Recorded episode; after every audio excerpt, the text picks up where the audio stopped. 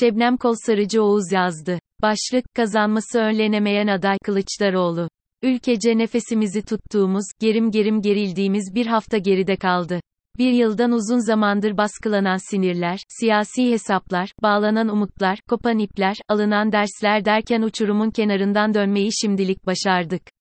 Hepimiz için her zorluktan sonra yolumuza devam etmeden, arkamıza yaslanıp bir an düşünmekte ve dersimizi aldığımızdan emin olmakta fayda var. Çünkü Türkiye'nin geleceği için önümüzde kritik 67 gün var. Geçtiğimiz aylarda krizin altı ısıtılırken, yüreği ağzında muhalif seçmenler olarak enteresan söylemlere maruz kaldık. Milletin sesi, kazanacak aday ve adayın anketle belirlenmesi. Bunların sıklıkla dile getirilmesi, Kılıçdaroğlu'nun yaklaşan adaylığına karşı toplumsal bir algıyı ustaca pekiştirdi. Diğer yandan 5 Şubat'ta saray destekli troll gruplarının hashtag kaday olma etiketini Twitter'da sahte TT1 yapma girişimleri dikkatli gözlerden kaçmayan, sistemli yürütülen bir propagandaya işaret etti. Kılıçdaroğlu'nu yıpratmaya yönelik kampanyanın siyasi yönünü siyaset bilimcilerin analiz etmesi uygun olacaktır. Ancak bizler, seçmen olarak, tabağımıza konulan argümanların geçerliliğini eldeki veriler ışığında inceleyebiliriz ve incelemeliyiz de. Algı oyunlarına gelmemek için temel düzeyde eleştirel ve veriye dayalı düşünme becerisi yeterli. Oyun kuramının mucidi Nobel ödüllü matematikçi John Nash iyi matematik bilmeyen toplumlarda adalet yoktur demiş. Bugün Türkiye'de, görüyoruz ve arttırıyoruz, matematik bilmeyen toplumlarda adalet de demokrasi de yoktur. Yaşadığımız süreci irdelerken, çok sevgili Uğur Mumcu'nun sözü aklımda, bilgi sahibi olmadan fikir sahibi olmayın. Şimdi Kılıçdaroğlu karşıtı propagandanın temel bileşenlerini mantık, veri analizi ve matematik kullanarak masaya yatıralım. Milletin Sesi, 3 Mart'taki meşhur konuşmasında, bütün Anadolu'yu gezdiklerini belirten Akşener, milletin sesini bastıran değil, o sesi duyuran, milletin iradesinden korkan değil, o iradeden güç alan, milletin taleplerini hiçe sayan değil, o talepleri gerçekleştiren olacaklarına, söz verdiklerini söyledi. Altılı Masa toplantısında atılan imzalar kurumadan İyi Parti Genel Başkan Yardımcısı Ümit Dikbayır'ın Millet beşten büyüktür çıkışında aşağı çıkan gerilim, milletin sesi, söylemi parti kurmayları ve vekilleri tarafından sıkça kullanılarak yüksek tutuldu. Peki ama bu millet kimdi? Bu söyleme dayanak olarak İyi Parti kurmaylarının kamuoyu ile paylaştıkları bir anket ne yazık ki olmadı. Açıklamalarından anladığımız, milletin sesi, ağırlıklı olarak çarşı, pazar, esnaf gezilerinde edindikleri içgörüyle tespit edilmiş. Anlıyoruz ki bu gezilerde halkın Mansur Yavaş'a ve Ekrem İmamoğlu'na duyduğu teveccüh öne çıkmış. Buradaki ilk göze çarpan sorun örneklemin Türkiye'yi temsil ettiğinden emin olunamaması hatta etmediğinden emin olunması. Ancak en az o kadar mühim diğer problem ise içgörü edinme yöntemi. Akşener'in diğer röportajlarından biliyoruz ki bu gezilerde vatandaşlara hangi partiye oy verdikleri sorulmuyor. Örneğin, Cumhur İttifakı seçmeninin Millet İttifakı adayı olarak Mansur Yavaş'ı görmek istemesi, onu beğendiğini belirtmesi seçim sonuçlarına doğrudan etki edecek bir veri değil. Çünkü Yavaş'ı beğenen geleneksel Erdoğan seçmenlerinin ne kadarının ona karşı Yavaş'a oy vereceğini ve ne kadarının Erdoğan'a karşı Yavaş'ı seçebilecekken, diğer olası Millet İttifakı adaylarına oy vermeyeceğini bilemiyoruz. Artan kutuplaşmayla gün geçtikçe partizanlaşan ve Erdoğan etrafında kenetlenen Cumhur İttifakı seçmenini göz önünde bulundurunca bu oranın kayda değer bir yüzde olmayacağını kamuoyu araştırma şirketleri de siyaset bilimciler de sıklıkla belirttiler. Bu sorunlu çıkarımlara son dönemde çok kez maruz kaldık. Nedeni anlaşılmayacak şekilde, kimi kamuoyu araştırma şirketleri ve özellikle Twitter anketleri Millet İttifakı'nın olası adaylarını birbirleriyle yarıştıran soru formatı kullanmayı tercih ettiler. Bu soru formatı ile pergelin ucunu sabitlemeden adayların çapını ölçüp, yanlı ve yanlış çıkarımlarını seçmenle paylaştılar. Halbuki bu adaylar seçimin hiçbir aşamasında birbirleriyle yarışmayacaklardı. Bunun tipik bir örneği Cüneyt Özdemir'in Nisan 2022 tarihinde yaptığı ve hatta çerçeveletip, YouTube yayınında devasa bir önem atfettiği 400 bin kişi katılımlı anket. Twitter örnekleminin Türkiye'yi temsil etmediğini biliyoruz ama hadi bir an için bunu göz ardı edelim. Nokta. Bu anketin seçim sonuçlarına veya kazanacak adaya dair herhangi bir içgörü sağlamadığı aşikar. Çünkü adayların Erdoğan'a karşı tercih edilme oranlarını ölçmüyor.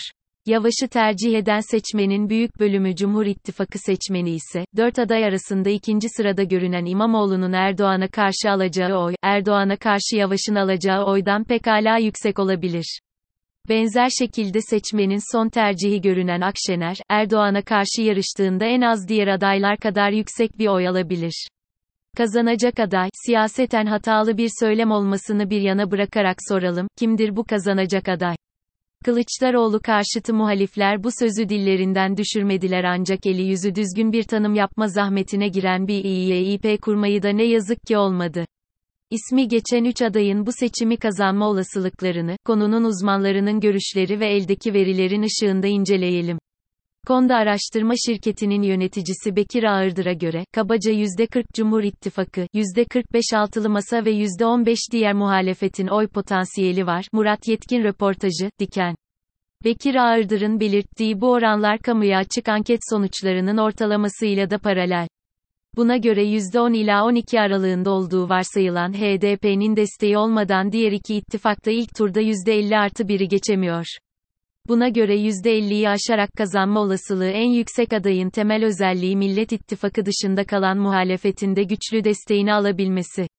Kazanacak aday olarak önümüze sunulan seçeneklerden ilki ve Akşener'in ısrarla üzerinde durduğu isim İmamoğlu'ydu.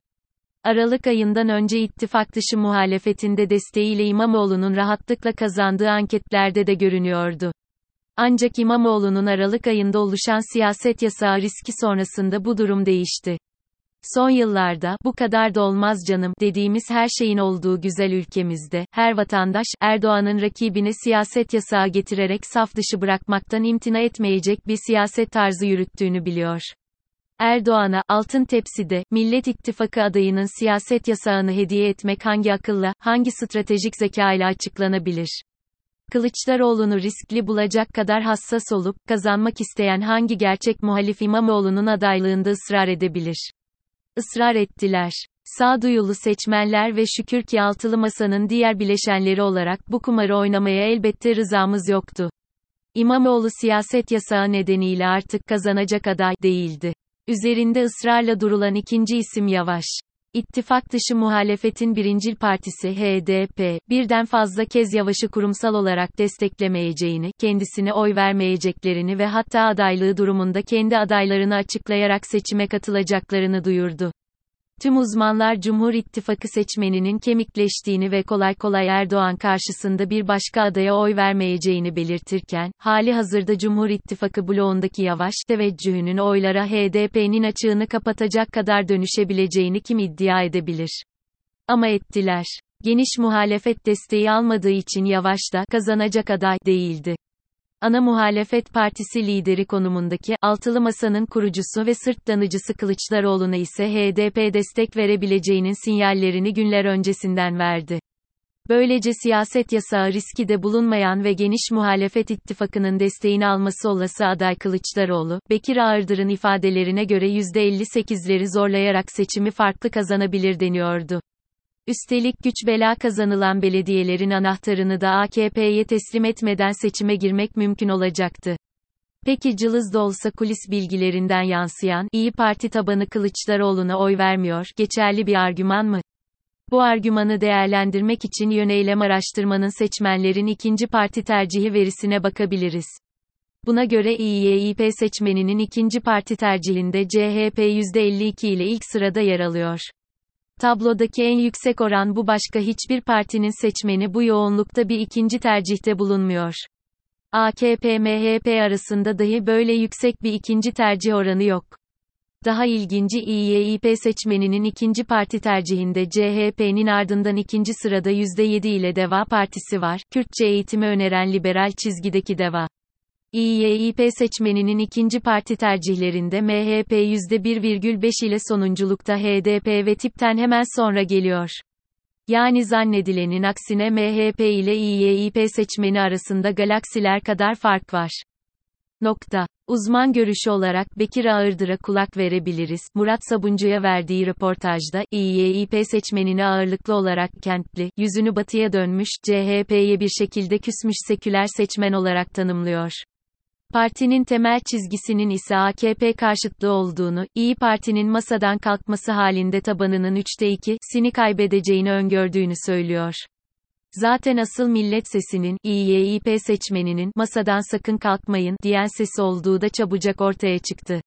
Yani partinin bazı ağır toplarındaki ve il, ilçe örgütlerindeki ülkücü eğilimin tabanda aynı oranda karşılığı olmadığını veriler ve uzman görüşlerine dayanarak iddia edebiliriz. Merkez sağ konumlanmak ile ülkücü çizgi arasında gidip gelen ve bir türlü kendini net olarak konumlandıramayan İYİP'in önümüzdeki günlerde bir sınav vermesi kaçınılmaz görünüyor. Adayı anketlerle BELİRLEYELİM gelelim benim şahsi favorim olan adayın anketle belirlenmesi meselesine.